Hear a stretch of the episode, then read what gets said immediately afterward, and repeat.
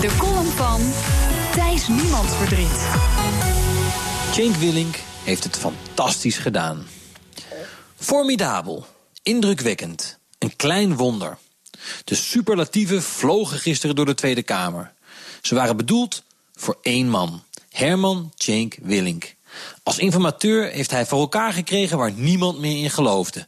Onderhandelingen over een kabinet van VVD, CDA, D66 en de ChristenUnie. Je zag het meteen aan het degelijke rijwiel waarop hij kwam en ook weer ging. Hier is iemand uit een ander politiek tijdperk. Een klassieke Hollandse patricier die wellevendheid combineert met zelfdiscipline en onverstoorbaar zijn eigen gang gaat zonder iemand boos te maken. Hij werd ontvangen als een heilige, grapte Cenk Willink zelf. Maar het moet gezegd, hij heeft de verwachtingen van A tot Z waargemaakt. De formerende partijen hadden het al snel over Herman, met een licht vereerde ondertoon van we mogen Herman zeggen.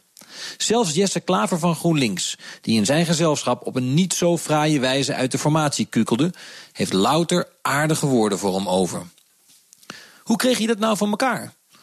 Betrokken partijen leggen het als volgt uit. Cenk Willink vroeg geduldig naar de inhoud, maar begreep ondertussen tot op de millimeter waar de politieke gevoeligheden lagen. Achter het beleefde voorkomen schuilt een man die ruksigloos kan zijn als het nodig is. Website De Speld kopte El Cenco legt paardenhoofd in bed roemer. Satire met een vleugje waarheid.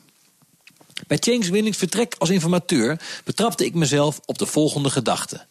Waren er maar meer ouderwetse mannen en vrouwen als hij in de Nederlandse politiek? Keurige, evenwichtige lui die beleefd maar koppig naar de lange termijn blijven kijken.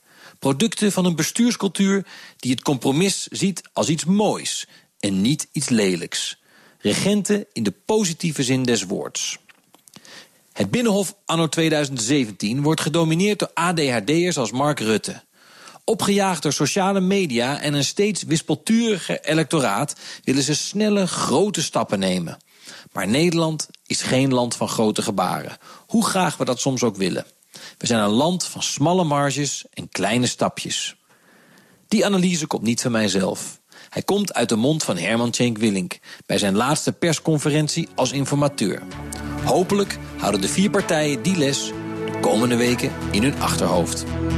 De column van NRC-redacteur Thijs Niemandsverdiet lees je en luister je terug op bnr.nl en in de BNR-app.